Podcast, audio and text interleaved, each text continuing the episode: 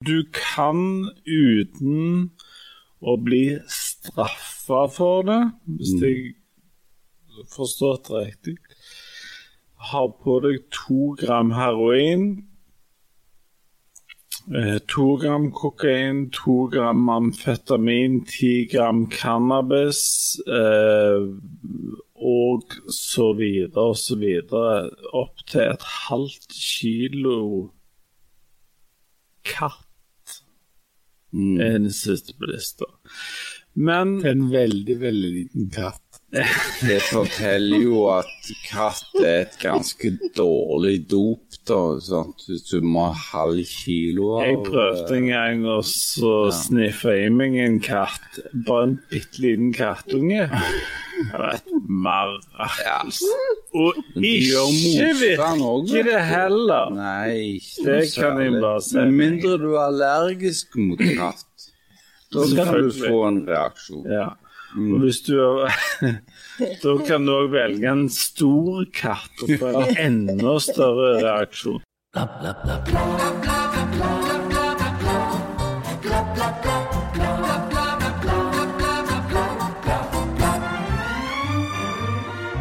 Selvfølgelig kan det komme bivirkninger av vaksiner, men blodpropp ai, ai, ai, ai, Hva skal vi egentlig synes om det? Og i tillegg, hvor ble det av USA? Harald har møtt en kjendis, han irriterer seg over ting, og han har en overraskelse som alle håper ikke er en tatovering.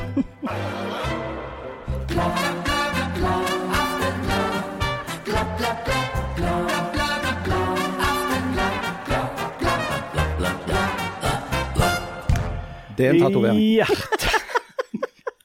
Hjertelig velkommen til Aftenbladet. Her sitter altså Harald Birkevold, kommentator og nyfrelst gladlaks. Har du kommet deg i hakk igjen, eller må vi ta kontakt med fastlegen Hva, din? hva mener du med nyfrelst gladlaks? Du var så glad sist gang, og det er det mange som har reagert på. Oh, ja, sånn ja. Nei, nå er jeg sur igjen. Ja, akkurat. Det er godt. Da trenger vi ikke ta um, Er du det, er du det Harald? Jeg er ganske sur nå. Og jeg blir surere mens jeg hører på dere snakke. Og den eh, spanske eh, inkvisisjonen der var Janne Stigen Drangsholt, professor i engelsk eh, smusslitteratur på rim og ekspert på kvinner i Bibelen. Ja. Velkommen. Takk. Sitter og smiler og er kjempelykkelig inni deg. Kjempelykkelig. Men det er, bare- det er klovnens uh, smil. Eh, Jan Zahl, journalist, og enn så lenge, men det er en åpning i LO nå, så vi vet jo ikke hvor lenge vi får beholde deg her. Eh, hjertelig velkommen. Mange slags tusen takk. Jeg er strengt tatt på landsmøte i journalistlaget nå. Living the dream. Living the dream. Å ja, du varer det ennå? Det var i tre dager med dag, ferdig med dag én. Ja ja, så du er ferdig for dagen? Ja. Hva, hva har dere gjort i dag? Vi diskuterte vedtekt. Vedtekt, eh, formuleringsendringer på formuleringsnivå på Jeg vet jo at folk sitter ytterst på stolen og venter på at vedtektene til Norsk Journalistlag skal, skal legges fram. Ja, Vi burde egentlig hatt en spesialpodkast der vi diskuterte vedtektsendringer i norsk journalistlag. Ja, Men er det noen ueksploderte bomber der? eh? Eh, jeg, jeg var ikke klar over at det var det, men tydeligvis. Hva er din favorittvedtekt? Takt? Hva er, Ja, Det er uhyre kontroversielt. Den ene vedtekten skal skifte bokstav fra GTH. oi, og. Altså Men- er punkt GTH. ja, for du har tar vekk noe?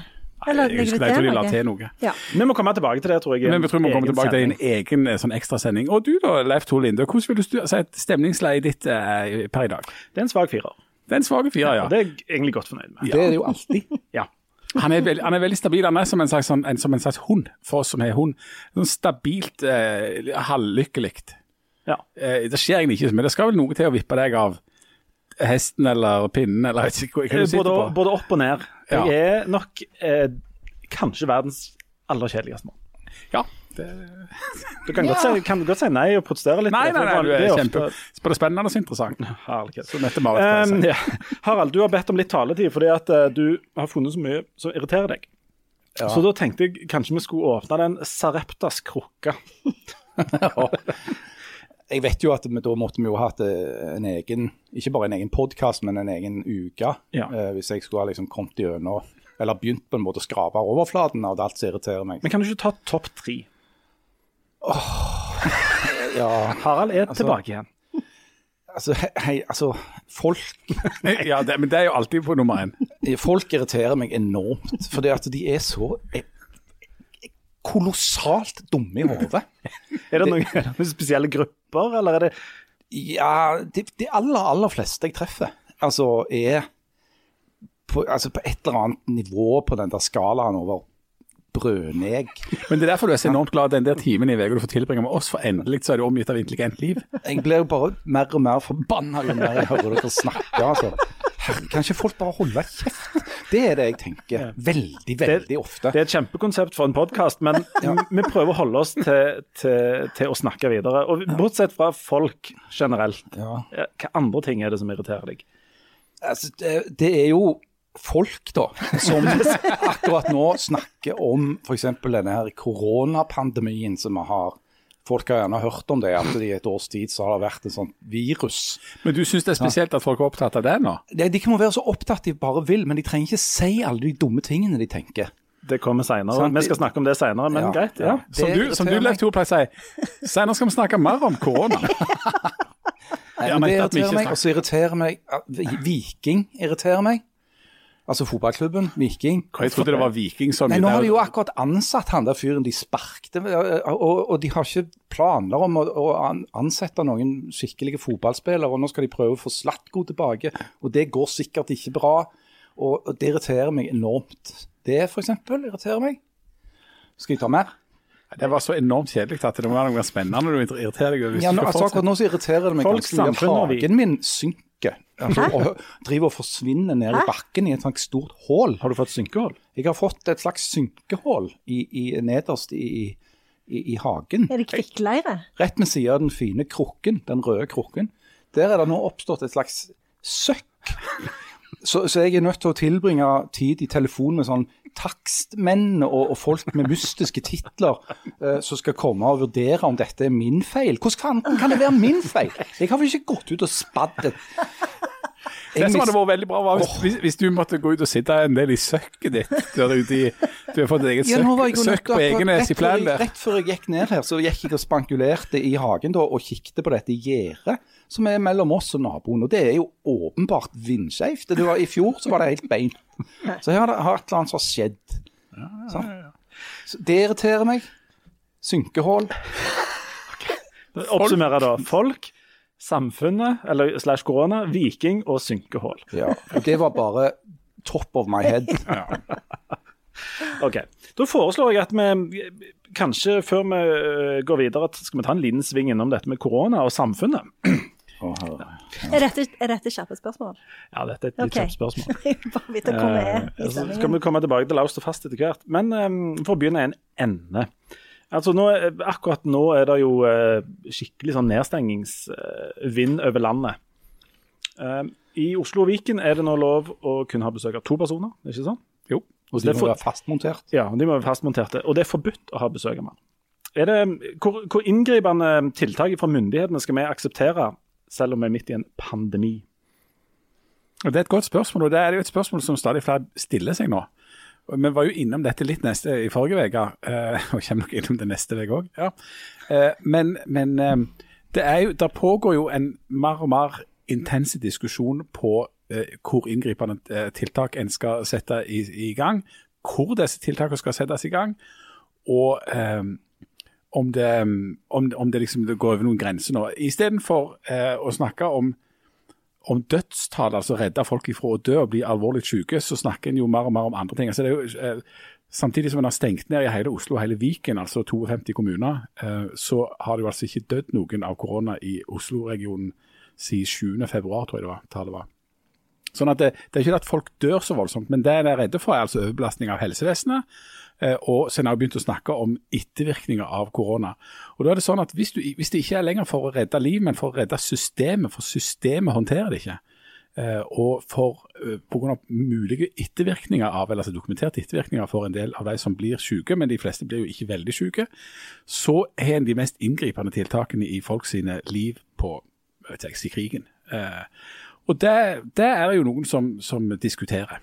Og så Samtidig så er det andre som vil ha enda eh, strammere tiltak. Så eh, Janne, godtar du hva som helst eh, fra Stanley Virak eh, og de? Du er jo nokså interessert i å holde deg i live. Ja. Hvis det er Stanley, så sier jeg det. Da det Så da gjør jeg det. Men har du en dårlig magefølelse når, du får, når, når politikere og Folkehelseinstituttet eh, forteller at du får kun lov å ha besøk av to personer? Eh, nei, for jeg har jo en dårlig magefølelse hele tida, så det er jo ganske begrensa hvor mye det endrer på det. Men jeg syns at det er veldig Det som jeg syns er veldig stress, det er alle de forskjellige eh, meldingene som jeg får hele tida. fordi at eh, i forrige uke så leste jeg jo den ene dagen at Hellas skulle åpne i mai. og, og det eneste du trengte gjøre, var å vise en negativ covid-test. Da ble jeg jo kjempeglad og sendte melding til Stavros og, reiste kommer. liv i mange timer. Men så så kommer det jo noe sånn eh, Først kommer jo de der påskereglene, som, som et slags sånn lite ja, Jeg visste jo de skulle komme med påskeregler, men det kom veldig brått, syns jeg.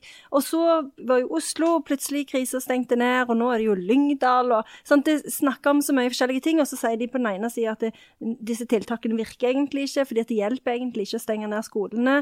Eh, det hjelper i hvert fall ikke Aftenposten hadde jo gjort en sånn en undersøkelse på hvor folk ble smitta, og det hjelper jo i hvert fall ikke å eh, stenge restauranter og butikker, for der er det jo ingen som blir smitta. Alle blir jo smitta hjemme hos folk. Så skolen har heller ikke så enormt mye å si. Så det, det er det jeg blir forvirra om. Ah, nei, ikke forvirra. Det er det jeg blir stressa av. Alle de forskjellige beskjedene og den kafkaiske følelsen av at det ingenting egentlig er sant. Altså, En blir, en blir jo smitta på skolene. Altså, en åpner jo opp, en vil jo beskytte barn og unge mot tiltak og, og åpne opp der i større grad. Og så viser det seg at nå sprer smitten seg blant barn og unge. Som vel omtrent det du måtte regne med. Ja, det er jo Det det. er jo sånn hele veien. Nå, nå blir det jo sannsynligvis en ny sånn bølge etter påske. For det at selvfølgelig skal folk få lov å reise på påskeferie, og vi vet jo ikke alle hva som kommer til å skje. Du drar på påskeferie, det, det er jo de færreste som har ei sånn hytte som jeg har, der du liksom går stavrer av gårde i timevis inn, inn i uh, uberørt natur, og så sitter du der eh, og skule hvis det skulle komme noen fremmede. Ja, som andre, gjør. ja, andre folk de reiser rundt på, på bryggekanter og sitter og slikker hverandre i øynene. De sitter og slikker hverandre i øynene på sånn afterski oppe i Hemsedal. Selvfølgelig er Alle gjør det. Ja, Sant? og det er jo ikke løye at det blir en masse smitte. Men du, de, disse tiltakene Det kommer jo ikke akkurat som påskeharen på kjerringa, det. Nå fikk jeg mange ubehagelige bilder. Ja, det var mye forskjellig. Men eh, eh, tror du klarer vi egentlig ta inn over oss hvor eh, ekstreme disse tiltakene er? Altså, hvor, de, de- for de, er jo, de bryter jo inn på plasser der vi egentlig ikke aksepterer at myndighetene skal bry seg. Jeg har i hvert fall bestemt meg for at ikke for alltid, på ingen som helst måte, men for en liten periode så skal jeg ikke gjøre narr av folk som bor i Oslo. Fem det at minutter? det nå er, ja, en, en liten stund. Ja. Men for det at nå er det faktisk ekte synd på dem. altså disse tiltakene uh, som, som jo rammer blindt og på tvers, og, og i alle bydeler og i alle områder av byen, de er jo helt ekstreme. Eh, altså, Ungdommer i Oslo har ikke hatt et normalt sosialt liv på et år. Eh, og nå skal skolene stenges igjen, og det blir bare enda verre. eh, Jeg skjønner godt at folk er både pisseleie og at de er så leie at de òg begynner å stille spørsmål ved alle disse forskjellige tiltakene som kommer, om de virker eller ikke virker. Og dette her snakker vi jo om i, i forrige podkast òg, at du får, når du får en sånn en generell trøtthet i befolkningen, altså, trøtt og leie av hele driten, og så kommer det stadig vekk nye vedtak, og så plutselig så skriver Bent Høie en melding på, på rim.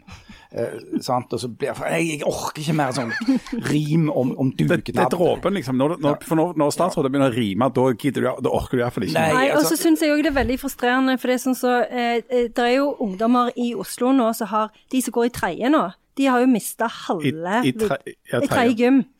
Tredje trinn på videregående, vet ikke hva det heter. Det heter sikkert ikke Det heter noe annet. Det heter noe annet. For Men de jo- som det er jo tredje når de går i Vi tre på barneskolen òg. ja, Vi kaller det for tredje gym. Ja.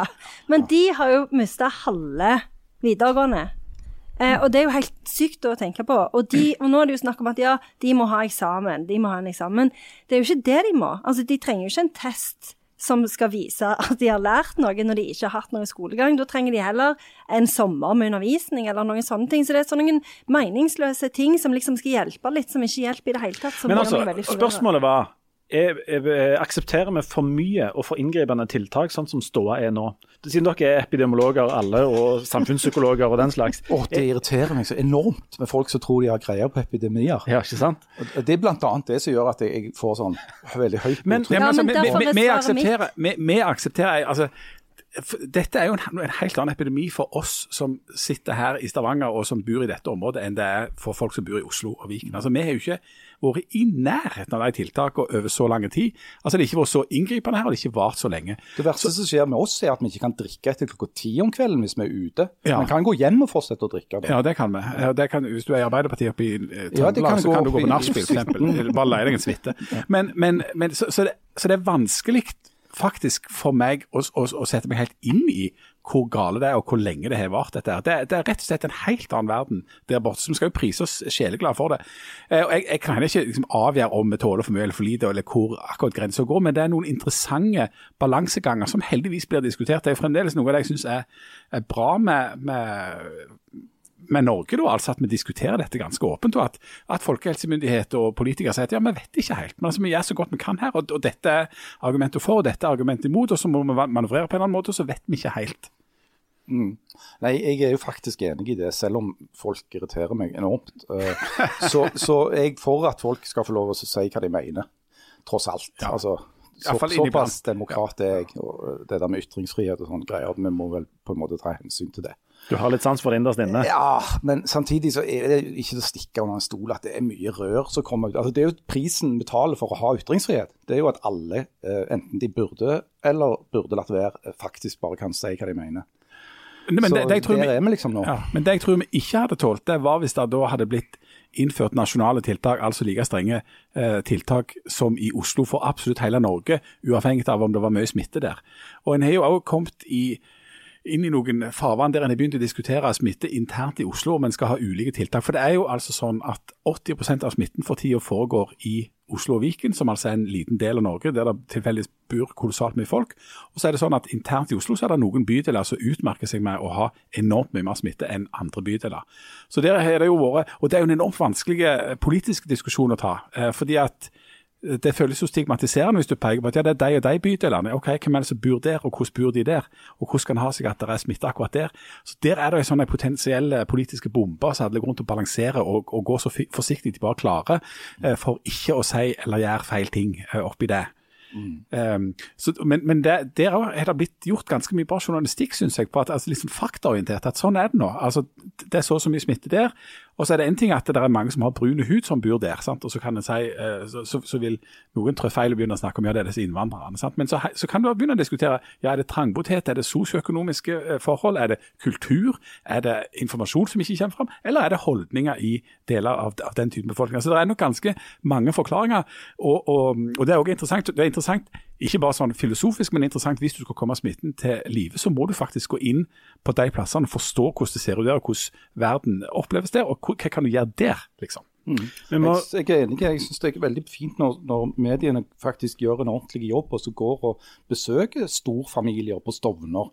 Snakker med dem helt på, på level, sant, og finner ut hva det egentlig handler om dette her. Og, og det, det er jo ikke rart at når det bor så mange mennesker under samme tak i en relativt liten leilighet, hvis én blir smitta, så blir alle smitta. Sier seg sjøl. vi, skal, vi, vi skal snakke mer om korona senere, det pleier vi alltid å gjøre. Vi snakker først litt om det, så snakker vi mer. Jan har litt vanskelig for å forstå det konseptet med at først skal snakke litt om noe så mer, men vi skal prøve på det. Men før vi går videre, eh, Harald, du har igjen fått eh, gått eh, løst på din egen kropp med fargeblyant. Ja, det er ikke jeg som har gjort det, da. det er en annen fyr. En som heter Anders. Oh, ja. Ja. Eh, For de som ikke vet det, eh, Harald har etter han passerte 60, eller hva det er, begynt å tatovere seg. 62 når jeg gikk av med AFP. Ja, når du gikk med AFP. Ja, Det var en voldsomt diplomatisk måte å si det på, men for de som eventuelt måtte være nye lyttere eller ha litt dårlig minne, så er Harald Birkevold i en slags livskrise. Altså, han, han, eh, han møtte et, et, et, et kvinnemenneske, et, et av sånne utallige eh, ekteskap som han er på gang til, og hun var voldsomt tatovert. Og da gikk Harald inn i en voldsom livskrise der han begynte å prøve å se helt lik ut som henne. Eh, Så da begynte han å tegne og male seg selv rundt på kroppen med en nål. Men nå, nå, nå har du fått en til. Ja, Ja, det. Eller han er ikke ferdig da, han er mer sånn påbegynt. Hva er det? Jeg vet ikke om du legger merke til her er det en, eh, En gris? og en patron. Var det en patron? Det er ikke en gris. Hvordan trodde du at det var det var et grisetryne, så det det, ut som. det er jo bare ett. Det er Ok, to. ja. Da, ja. Men hva skal dette bli for noe? Det blir en fugl, da. Sånn her. Ja, for dette på Bryne, husker jeg da jeg vokste opp, så var det veldig mange, eller ikke veldig mange, men noen som begynte å tatovere seg. og Da var det sånn ørn, eksempel, og, og grip på ørn, og litt sånn ja, råfugl. sånn litt sånn kult. Jeg vil du bare ha ei rype. du har lagd ei rype, ja. Ja. Og så er det en bokfink eller en grønnfink eller en eller annen sånn, Ja, sånn. det er en blåmeis, da, så er det en kjøttmeis, og så er det en rødstrupe. Så mens andre sånn tøffe folk har sånn her eh, flagg og, og dødningeskaller og ørner og sånn som dette her, eh, så eh, driver Harald Birkevold altså med Jeg er ikke med i. Hells Angels, jeg, fikk ikke, jeg kom aldri inn der. Så, så det kan liksom ikke ha Men Janne, du har god uh, Du har utdanning i å analysere ting. Hva forteller egentlig dette her? Nei, eh, Harald eh, er jo eh, selvfølgelig født altfor seint. Han burde jo vært født i romantikken. Uh, Wordsworth, I Wondered lonely as a cloud. Han liker ingenting. å være aleine. Han er uh, overbevist om at han sjøl har en slags sånn eh, eh, direkte kontakt med det universelle jeget, og, og kan snakke til oss andre om hva som er rett og galt, på en sann måte. Det er jo det som er dikterne sitt prerogativ. Eller kommentatorer, Eh, som de og- Har du aldri møtt Og han, og han, eh, og han eh, Det er derfor han velger eh, eh, eh, ting fra naturen. Det er en slags Er det en ørret, kanskje? Ja. Eh, og forskjellige typer fugler. Shelly veldig opptatt av fugler snakket om dem hele tida. Så, så for meg så er det det. Harald er en romantiker i ordets rette forstand. Det er derfor han har vært gift så enormt mange ganger. Jeg foretrekker å snakke, og det er veldig bra at du, du, du ser det. For jeg, jeg syns det er viktig at det kommer fram. Jeg foretrekker å snakke til folk, og ikke med Ja, jeg vet det. Hvor mange tatoveringer har du, Janne Stigen Jeg har null. Hvorfor da? Nei, altså. Hvis du var nødt til å ta én tatovering, du bare måtte, hva, hva hadde du da gjort? Jeg har tenkt litt på at kanskje jeg ville tatt eh, et sånn firkanta åttetall på uh, eh, armen, for det er det Sigourney Weaver har i Alien 4, fordi hun er, er liksom nummer versjon nummer åtte. Så det er vel det jeg hadde gjort. Jan, du må ta en tatovering. I morgen, hva tar du? Altså, jeg, En liten, jeg har ikke fantasi til å komme komme på en noe. en, et lite hjerte på skulderen. En, en kompis eh, som, som har tatovert et hjerte på overarmen, og så gjennom det hjertet så, så over hele så står det et ord. Hjemover. Hva, med, hva med logoen til Norsk Journalistlag? Ja, kunne det vært noe? Et bilde av Ja, Yngve men tenk hvis de skifter navn, og så må de ha ny logo. Så sitter du der. Så sitter du der, ja. Ja. Det er akkurat som å ha sånn feil kjæreste. Ja, rett og slett. Men er ikke du i en ganske sånn god posisjon for å hindre at de skifter navn? Det er ikke oppe til på dette landsmøtet. Nei, nei, ikke nå. Det er en del av noen andre vedtekter. Ja. Jeg syns det er ganske tøft med folk som tatoverer gifteringer. Har du sett det? Ja, for Da kan du ikke risikere du ikke å miste den. Altså. Nemlig. Nemlig. Og du kan heller ikke ta den av. Men kan du få den til å være sånn gullfarge, eller er det sånn, sånn skittengrønt som alle han tatoveringer? er svart. Ja, men du kan ta, selvfølgelig ha en gull òg. Det er jo bare å legge inn gullfarge. Kan du legge inn gullfarge? Selvfølgelig kan du det. Hva syns du det er for noe? Nei, Det er sånn pissegult-aktig. Jeg abonnerer på, jeg abonnerer på, på Instagram, så, jeg, så, jeg, så følger jeg ei tatoveringsside som heter Snake Pit. Jeg skal ikke beskrive hva slags Du tatoveringer som er det. Du følger en tatoveringsside på Instagram. nå ble det mye info på en gang. Inn- Nei, dere, hvis dere er over 18 år, så kan dere inn og se på det. Å ja. Oh, dette er et familieprogram som Men det, har det, er- det er tatoveringer der som du ikke som du aldri Jeg ikke min villeste fantasi hadde kommet på at noen ville tatovere på kroppen sin. Er det sånn, har du den der? Det er Har du den? Å ja, OK. Jeg har, jeg har en bekjent som har jeg en, en tatovering der uh, Mikke og Minni Mus Nei, nei, nei, nei, nei, nei, nei, nei, nei, nei, nei. Så, du en- aldri har sett i noe Donald-blad der? Ja, jeg så en i går der Pinocchio eh, holdt på med Ja. OK, Sånn, greit. eh, Eh, Siden dere kanskje? jeg, jeg la merke til en liten pytte Jeg la merke til en bitte liten Nå Når vi, for å si det Nå skal vi over til noe helt annet. Oi, det er mulig? Ja. Apropos noe helt annet. Visste dere at i dag er Oddvar Brå 70 år? Er det sant? Og dere er jo så, såpass opp i året, dere andre, at dere kan gjerne svare på det der norske munnhellet, om dere vet hvor dere var når Oddvar Brå brakk staven. Ja, det gjør jeg. Vet du det? Ja. For jeg kjenner ingen som vet hvor de var hen. Jeg var hjemme i stua og satt rett ved siden av faren min og så på. Oi. Det er såpass. Ja, ja. Vet, vet dere Jeg, jeg lurer på om jeg har satt, satt på TV-stua og så på, faktisk. Dette skjedde i 1982, tror jeg. Ja. Du husker det? Ja. Ja, det er imponerende. Jeg husker det. Husker du hva han het, han som han, han spurta mot? Ja, han burde vett. Russer. Russer? eh, Ja, han var russer, det vet jo alle. Kan det være Putin eller. Gorbatsjov? Det var Vladimir Putin. Nei, det var ikke det. Utrolig. Tsjernobyl. er dritas borti nå er jeg skuffa, altså. Ja, jeg burde visst hvem det var. Han het eh, Men ta kontrakt kontakt med Aftenbladet, postboks 229 4001 Stavanger, og skriv på et postkort hvem det var Oi, Oddvar dra Brå eh, eh, slo, eventuelt ikke slo, i den spurten i 1982.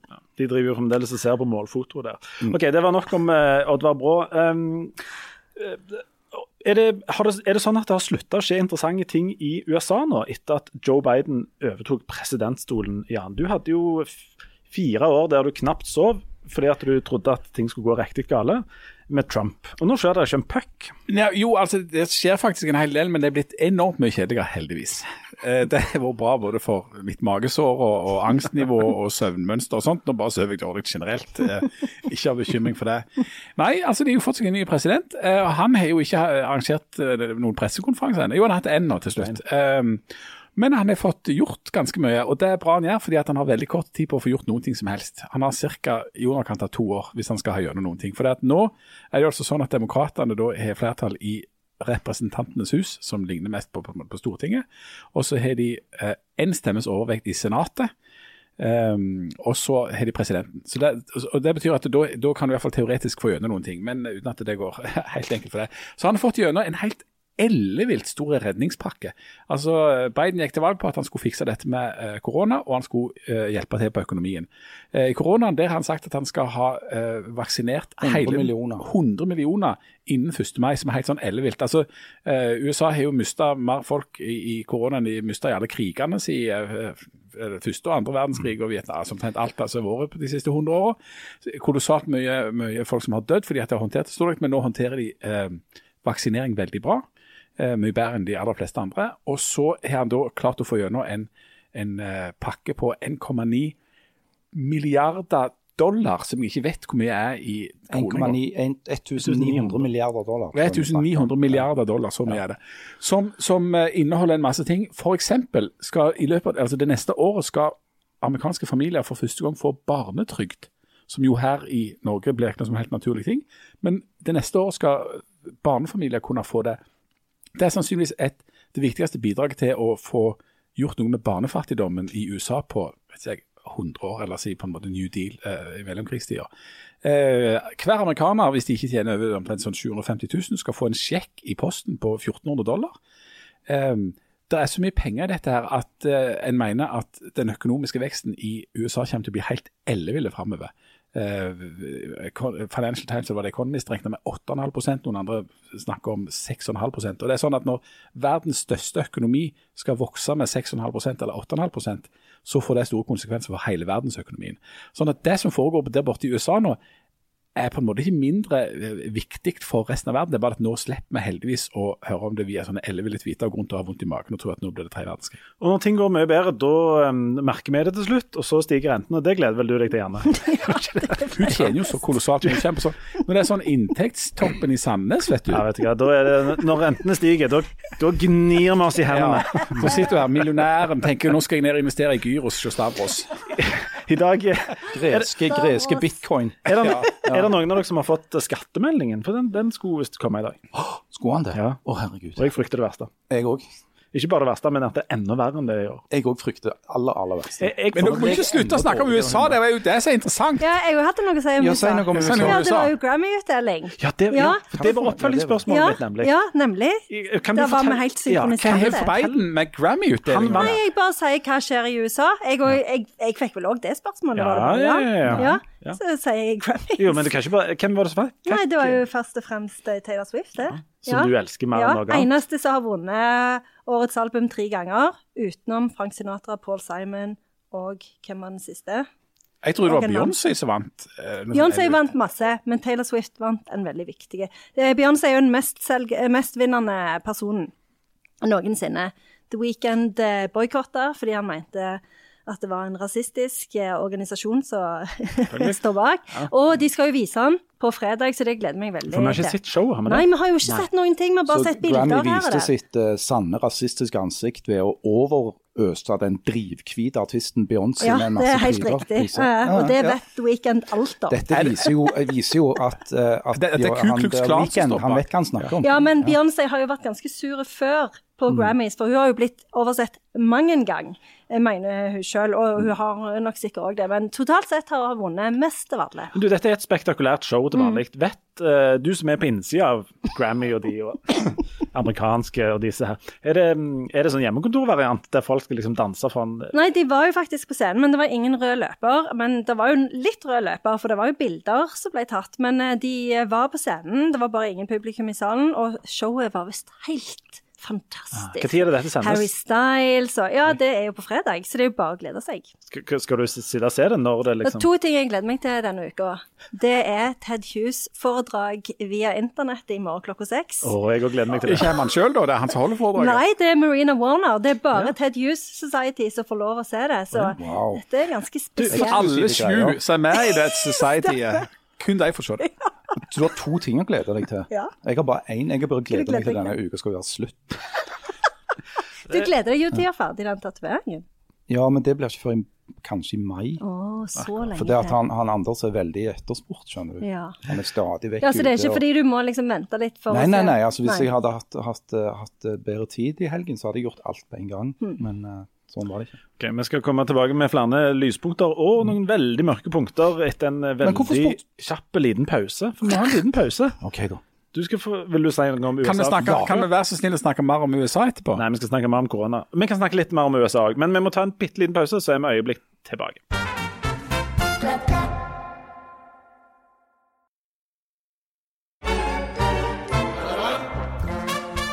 Hjertelig velkommen tilbake.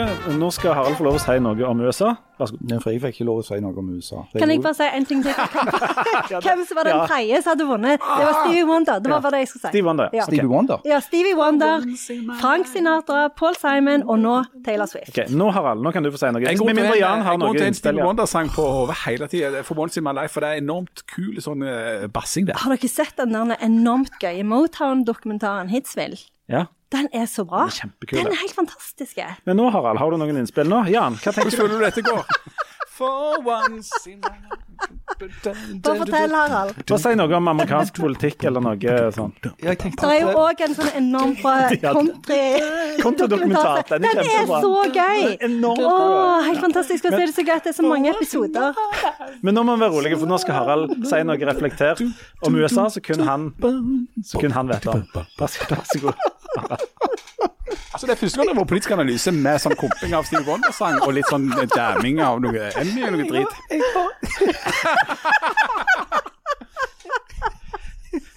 Jeg har ingenting å si. Jeg har, jeg har ingenting å si om USA. Jeg mener ingenting om USA. Sorry. sorry. Oh, jeg hadde håpet du skulle si noe om Joe Manchin og Kristin Cinema, men OK. Nei, vi kan ikke, vi kan ikke snakke om det. Jeg har, ingen av de vant Grammy, altså. Det, vi Skulle ikke vi snakke mer om sånn korona? Jo, det skal vi, men en bitte liten ting til før vi snakker om korona. Bare et lite spørsmål. Jeg har òg lest at um, på tross av alle de økonomiske følgene av korona-coviden, Er dette ikke om korona? Jo, ja. men det er mer om korona. og Jeg skjønner at dette konseptet er veldig vanskelig for dere med lang utdannelse, men vi med kort utdannelse fra oss òg, vi skjønner dette. Altså, Dette er det sjette året på rad med økte forsvarsbudsjetter hos de europeiske allierte og Nato, og Canada. Eh, og det syns jo Jens Stoltenberg, vår norske Nato-sjef, er Som har bursdag i dag. Hæ, han ja, Ja. Samme dagen som Oddvar Brå. Ja da. Det er sånn dagens dato-greie, dette. Det er det. Men eh, er, det, er det ikke eh, Er det en helt eh, selvsagt at vi skal bruke masse mer penger på militæret enn vi gjorde før?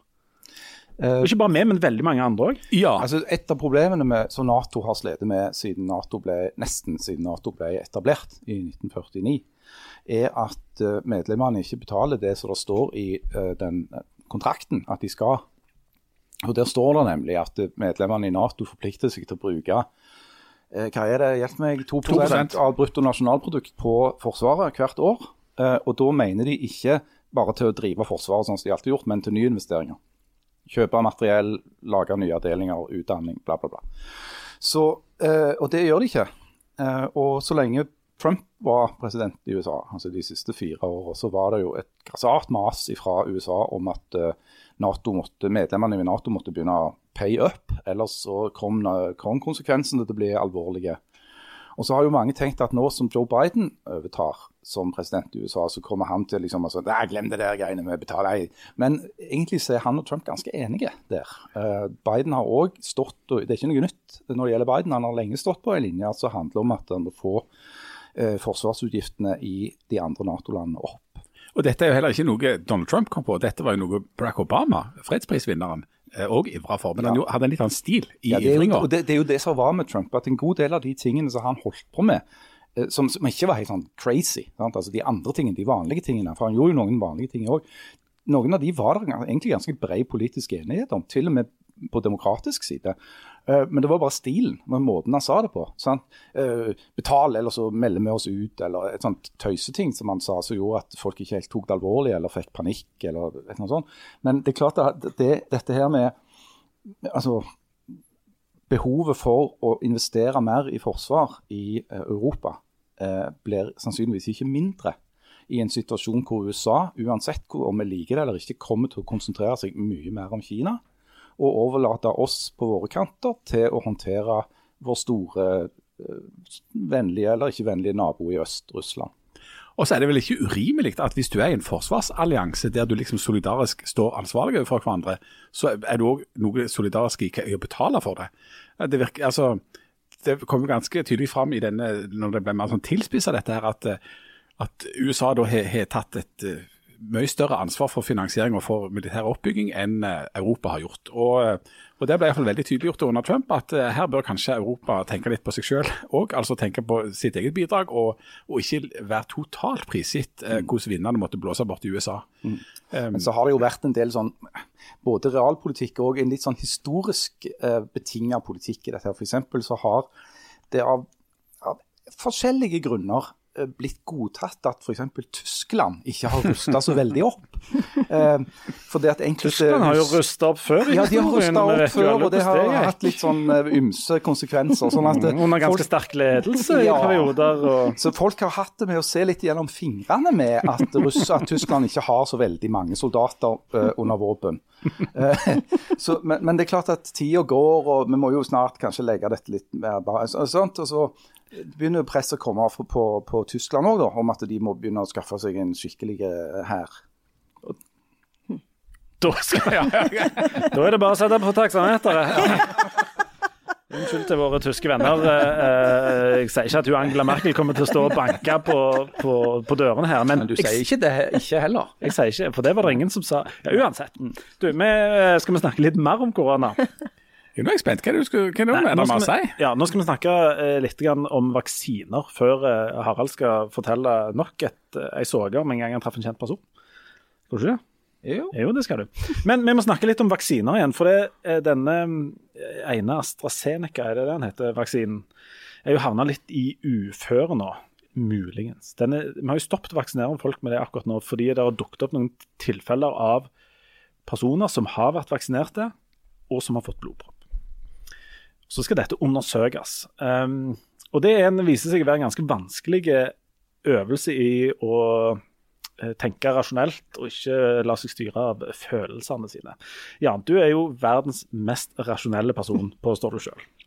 Ja. Ja. eh, Hvis du i morgen eller i dag eh, slapp å ta tatovering, men fikk tilbud om å ta den AstraZeneca-vaksinen, hadde du latt de stikke deg? ja. Hvorfor det? Fordi at enhver vaksine vil ha bivirkninger. Vi vet jo ikke om, dette, om, om, om disse blodproppene og disse sykdomstilfellene faktisk er noe som kommer av vaksinen. Altså folk får blodpropp, og folk får symptom både på det ene og det andre gjennom hele året, helt uavhengig av sånne ting. Men det var jo noen, noen sånne ting som hang i sammen her. altså Et sykdomsbilde som var veldig uvanlig. Og, og der fellestrekket var at de hadde fått denne vaksinen. Så, det, så, så, så jeg forstår jo at spørsmålet blir stilt om det kan være alvorlige bivirkninger av selve vaksinen. Men det finnes jo ikke et eneste medikament i hele verden som ikke har en bivirkning. Eh, Noen kan ha òg alvorlige bivirkninger. Og så må du veie opp risiko mot hva det faktisk hjelper mot. Og da er det sånn at hvis det er blitt satt Hvor mange millioner AstraZeneca-vaksiner er det? Mange millioner. Mange millioner. Og så har de oppdaget 37 tilfeller av alvorlige bivirkninger. Da er det muligens sånn at, at det er en sånn bieffekt, men han er veldig liten i forhold til hva han redder, eller kan hjelpe mot, rett og slett. Og, så Derfor vil jeg rent rasjonelt sagt ja takk, stikk i vei. Og så er det et element her med, som er vanskelig å skille mellom, nemlig dette med kausalitet og korrelasjon. Kan du, Harald Birkevold, ta et kort foredrag om disse to artige begrepene som er vanskelige å skille? Ja, eh, jeg kan prøve. Altså, hvis det, altså det er sånn at hvis du blir eh, syk etter å ha tatt vaksinen, så er du ikke sikker på om det, grunnen til at du ble syk er at du tok vaksinen. Eller det var det som det Jan var inne litt på. Eller om du bare tilfeldigvis ble syk etter at du hadde tatt vaksinen. Sånn at For å slå fast at eh, vaksinen er grunnen til at folk får disse symptomene, så kreves det jo eh, vitenskap, studie. Eh, og den må få gå sin gang.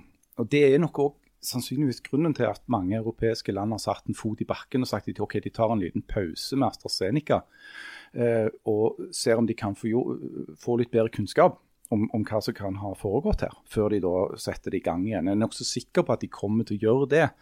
Eh, Verdens helseorganisasjon har også vært ute og sagt at det er på, altså på det de har av statistiske data for denne vaksinen har jo vært testa før den ble godkjent som bruk, ikke viser noen direkte sammenheng mellom vaksine og f.eks. blodpropp. Eh, men det er klart at det er et sånt element av at når folk blir redde, eh, så, så, så stiger denne her skepsisen mot vaksiner. Og i Norge er det jo heldigvis en relativt lavt antall sånne vaksineskeptikere som er prinsipielt imot å vaksinere seg. Men i enkelte land, som i USA, har du hatt uh, undersøkelser som viser at oppi 40% av befolkningen vil motsette seg å ta en vaksine. Og Da begynner det å bli et problem, for da er det så få som vaksinerer seg at det kan gå utover her berømte gruppeimmuniteten som du trenger. Du, litt sånn mediedebattmessig, hvordan skal mediene håndtere dette? Det har jeg tenkt litt på denne uka. Fordi at da kommer det da noen veldig få tilfeller av noe som er veldig alvorlig og som potensielt henger sammen med det som alle er opptatt av, nemlig hvordan vi skal vaksinere oss ut av denne pandemien. Hvor stort skal du slå det opp, og hvor store overskrifter skal du bruke? Og hvor hardt skal du på en måte trekke fram? De, de, på Dagsrevyen her en kveld så intervjuet de ei som hadde fått så hadde fått veldig sterke smerter i overkroppen etter hun hadde fått dette. Hun hadde vært skeptisk til vaksinen i forkant. Uh, hun ble presentert som en helsearbeider, men var vel miljøarbeider, tror jeg det var. Uh, og fortalte at hun kom ikke til, liksom, var veldig skeptisk til, til å ta den andre dosen nå.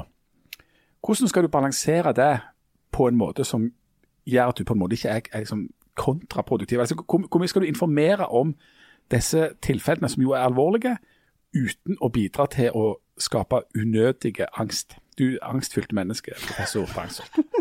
Nei, jeg syns jo det, den, det, er jo litt av den samme problematikken som det er med, med eh, epidemien i det hele tatt. Fordi at det er jo det der hvor mye nyheter du skal bombardere folk med.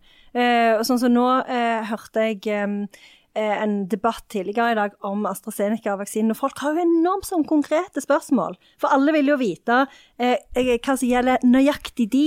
Så det var liksom ei som gikk på noen sånn blodfortynnende medisin, og en annen medisin kunne hun ta den, og hva ble konsekvensen mm. av det. Eh, så, så, jeg syns at eh, jeg syns jo sjøl, som nyhetsforbruker, at det er vanskelig å, å vite den, hva som er den balansen. Men jeg har jo ikke lyst og at det skal komme sånn Du har jo lyst til å vite at folk har blitt syke, men du har jo ikke lyst på sånn kjempestore overskrifter. Men nå er det jo sånn at det er jo 11 millioner som har fått den i Storbritannia. Det er jo ganske mange folk. Og der har de jo ikke denne problematikken i det hele tatt, sier de. Og de kjører jo på, selv om 20 andre land har så, men det er liksom akkurat det sånn med epidemien i det hele tatt, at det er enormt mye nyheter å forholde seg til hele tida. Mm. Jeg tror kanskje vi kan lære litt av å se hva som skjedde forrige gang det ble eh, foretatt en massevaksinering i Norge. Og Det var jo under denne svineinfluensaepidemien som var vel i 2010? 2012? 2010. 10, eh, da ble ca. to millioner nordmenn eh, vaksinert, og da i hovedsak med den vaksinen som heter Pandemrix. Eh, som siden har blitt et slags yndlingsoffer for en del av disse vaksineskeptikerne. Fordi det viser seg at Pandemrix i noen få tilfeller gjorde at de som hadde fått vaksinen, utvikla narkolepsi, altså sovesyke. Eh, I går når jeg sjekka dette, så er det i overkant av 350 norske tilfeller av sovesyke som er registrert i kjølvannet av Pandemrix-vaksinen. Og Der har du det samme problemet igjen med kausalitet og, og samvariasjon. Altså, en del av de tilfellene ville sikkert ha oppstått uh, uten vaksinen, men noen er nok dessverre knytta til vaksinen. Men hvis du da snakker om uh, altså, si 300 tilfeller av to millioner, er fortsatt et veldig lavt antall.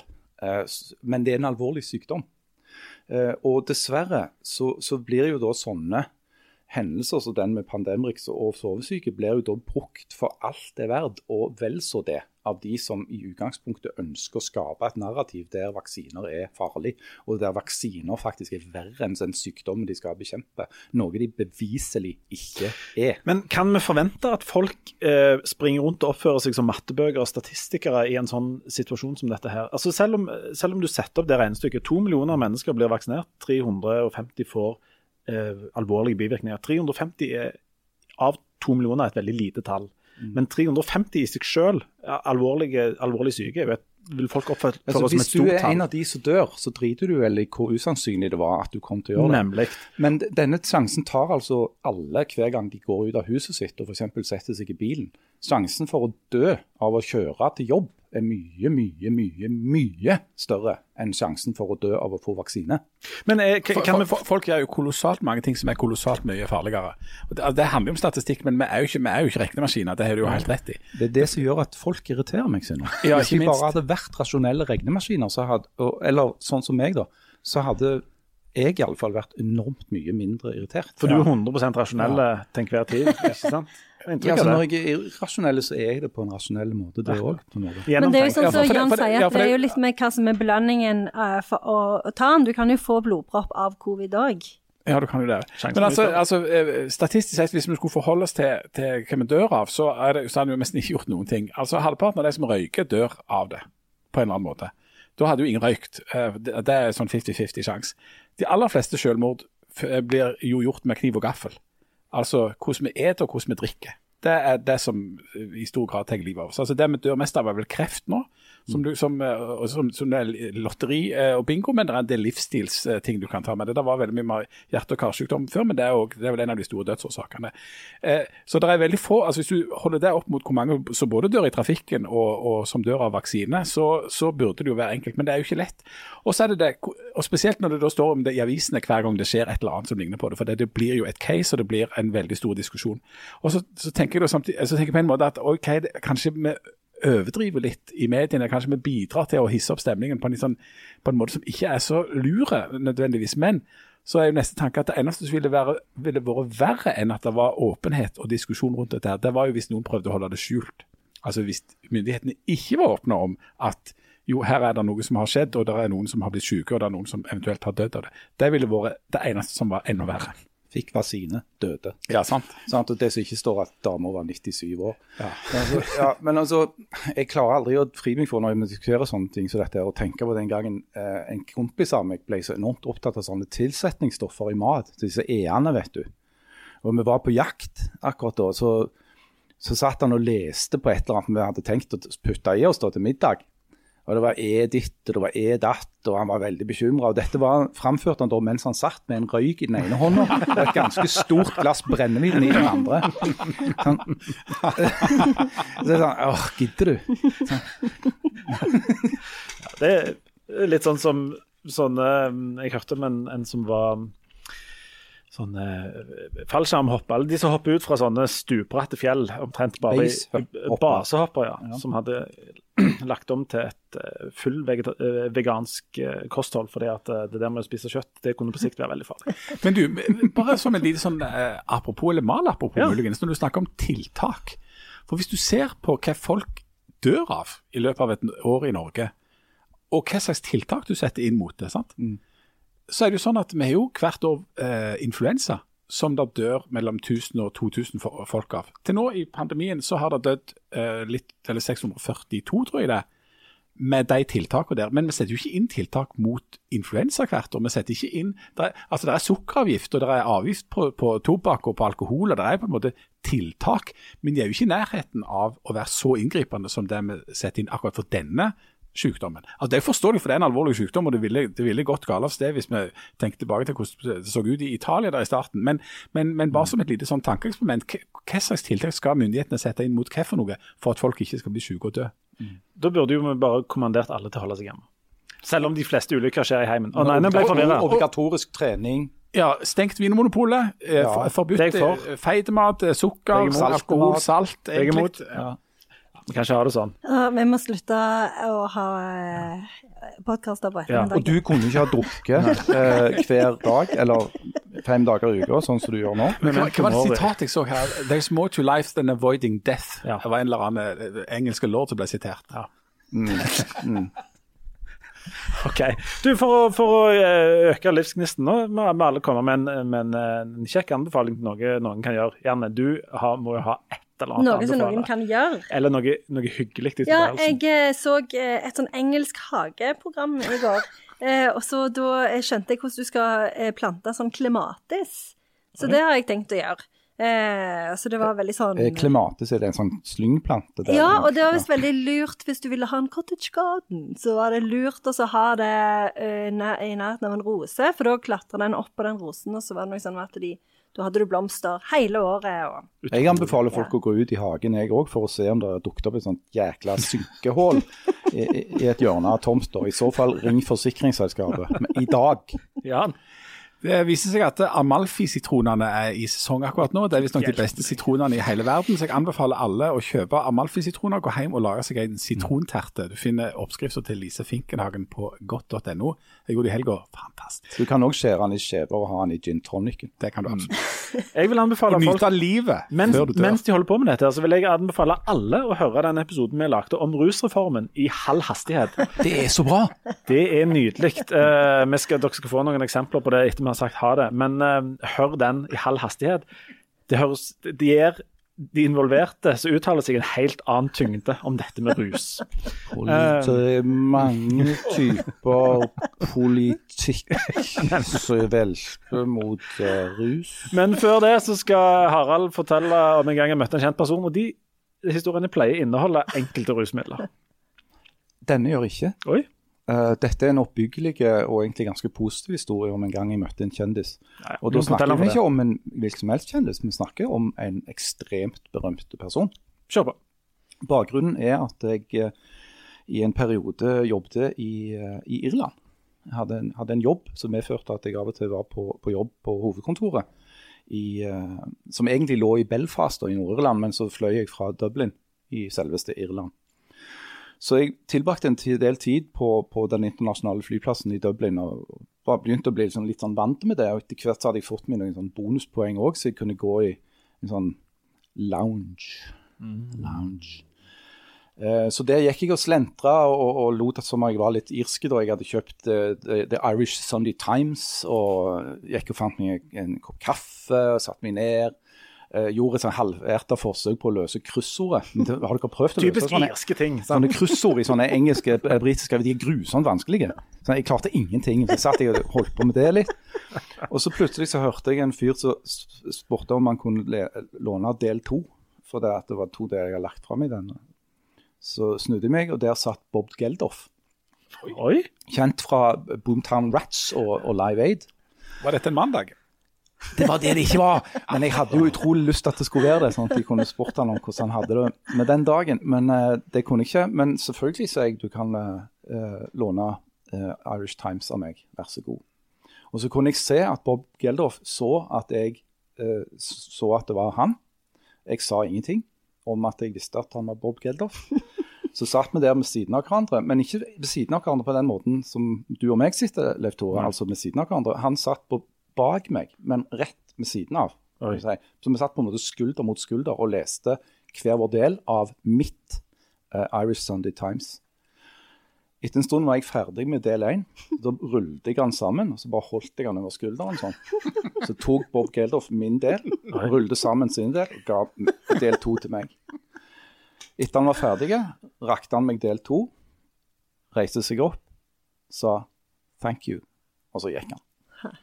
Det var en nydelig liten historie om eh, mannlig taushet. Men så dere hadde en liten sånn connection, du og Bob eh, Geldof? Ja, Det var tror... ikke bare det med å rulle Nei, jeg tror egentlig han var ganske liten... fornøyd med ja. at jeg, jeg ikke lagde noe først, som at det var han som var, faktisk var Bob Geldof. brølte noe sånn Live Et eller annet sånt greier. Aid-sitat. I don't like Mondays. Du, Tell me why. men var det noe, gjorde han noe tegn til at han kjente deg igjen? Nei. Eller jo, altså jeg så jo at han så hvem jeg var. Ja, det gjorde ja. ja. Det Men han gjorde ikke noe nummer ut av det. Nei, så vi begge var veldig sånn diskré. Ja. Ja, det er bra. Det er Tenk, flott. tenk Bob Geldof når han sitter er i sånn sant, selskapslivet og forteller når du er i loungen, så er det en sånn uskreven regel, ikke sant? Jeg ser på deg, du ser på meg, men vi, vi lar det liksom Ikke til, ikke til sammenligning eh, for øvrig, men jeg gikk en gang rett forbi Jan Tore Sanner på Gardermoen. Nei. Ikke noe nummer ut av det. Verken meg eller han. Vi bare passerte hverandre helt sånn enkelt og greit. Det var ingen som sa noe. Wow. Ja. Det Ja. sant. Og jeg ser på deg, og du ser på meg. Ja. Jeg kjenner det at ja. Tenkte du, Sang du ble en sang da du gikk forbi Jan Tore og sa 'Jeg vil kjenne din kropp imot'? Nei, eh, jeg, jeg tenkte ikke i de baner, nei. Jeg tror ikke fru Sanner Nei, ikke. hun med på det TV 2 snilt Hjelp Ja, fy! Ja. OK, eh, nok om det. Eh, jeg tror vi, vi gir oss der. Nå må dere eh, se Grammy og sånt, for det kommer, kommer sikkert til å ta opp til neste gang. Gjør vi ikke det? Janne? Lag, dere, lag, lag den paien til Grammy. Skal vi ha Grammy spesial? Nei, det Nei, vi skal ikke det. Vi Ja, skal, det er nei. Men vi lag, kan godt snakke litt mer. se Grammy, ja. lag pai, eh, finn Synkehold, og hør på rusreformen i halv hastighet. Så snakkes vi om en uke. Takk for i dag. Ha det godt. Ha det.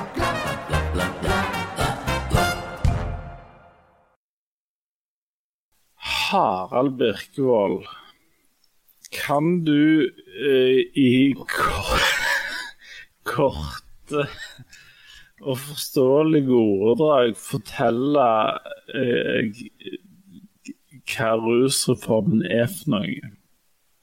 Ja, det kan jeg. Ja. Uh, altså, hvis du hadde Hvis du hadde legalisert narkotika, så ville du ha sagt at det er eh, lov. Altså, det skal betraktes eh, som eh, Du kan selge det i en butikk, for Ja, du kan selge i en butikk. Du kan eh, drive på med altså Haralds heroin og, og, og MDMA Det kan- AS. Du kan endelig registrere den Ja, jeg kan endelig registrere den bedriften, men det, det får jeg da altså ikke anledning til. Eh, Du blir dømt til et møte med kommunen. du blir dømt til et møte med det offentlige. Men jeg, jeg drømte jeg, Istedenfor et møte med, med påtalemyndigheten. Da. Det er et par ting jeg ikke forstår her. Det er altså lov å ha på seg disse eh, små mengdene med ulike narkotiske stoff, men det er straffbart å selge det. Det minner henger om det i sammen? Det minner jo f.eks. om den norske eh, sexkjøpsloven, da. Eh, hvor det er ulovlig å kjøpe seksuelle tjenester, men det er tillatt å tilby de. Ja, det, det går jo heller ikke i hop. Men hva- er dette en sånn juridisk form for sånn spagat eller, eller uh, underlighet? For det, det er jo ikke logisk Hva er det som ikke er logisk? at du ikke har lov å kjøpe eller selge noe, men når du gjør det, er det Men når du har det eller bruker det eller gjør det, da er det ikke straffbart. Altså, Prinsippet her er vel at du skal eh, At du kan ha på deg det som er til på en måte eget bruk. Eh, Men hvordan i all verden skal du få tak i det til eget bruk? Da må jo du kjøpe det av noen. Hvis du ikke, hvis du ikke dyrker Men- heroin og MGM, eller hva det er for Ja, noe. du, du må Du må Du må jo bryte loven for å få tak i dette her. Men da har du brutt loven, så da er det jo straffbart. Jeg forstår ikke dette. jeg. Men det er selve besittelsen, da. Det å ha det på seg som ikke er straffbart. Og det, det Altså, det er jo Men det oppstår jo ikke gjennom osmose. Du, du bare ikke sånn Plutselig så har du bare eh, et halvt kilo katt på deg. vil, vil denne rusreformen bidra til at det blir mer eller mindre narkotika? Altså, folk Altså, det kommer helt an på hvem du spør. Det er ikke, f.eks. i mitt hode iallfall, tvil om at når du slår sammen stoffer som eh, og MDMA, som er eh, altså psykoaktive hallusinogener Du begynte å snakke gresk, det er veldig spesielt. Ja, men altså, jeg må jo Det, nesten det du kjenner Altså- som MG. Jeg må nesten gjøre det. Sånn, uh, med liksom tunge opiater som uh, heroin, så, så, så er det ikke akkurat epler og epler du sammenligner.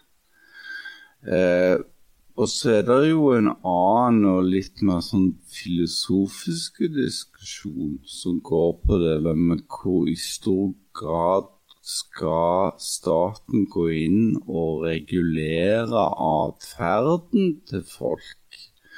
Hvorfor er det sånn at eh, det blir betrakta som umoralsk eller, eller straffbart å endre bevisstheten sin, som en jo gjør når en tar forskjellige stoffer. Akkurat som en gjør når en drikker alkohol, som alle her, bortsett fra Leif Tore, gjør relativt ofte. Jeg gjør det jo veldig, veldig sjeldent. Jeg, jeg prøvde å gjøre noe med det, får det ikke til. Janne gjør det jo stadig vekk. Jeg gjør det kanskje enda mer stadig vekk. For eksempel så har du stoffer som der det er vanskelig å, å, å påvise noen skadevirkninger nesten overhodet. Oi, det må jeg få vite. Ja, altså på, på, For igjen å vise til den der eh, Lancet-oversikten, da, så, så mener de jo at f.eks. psilocybin, som er det aktive stoffet i eh, f.eks. fleinsopp, eh, det er det umulig å overdosere på.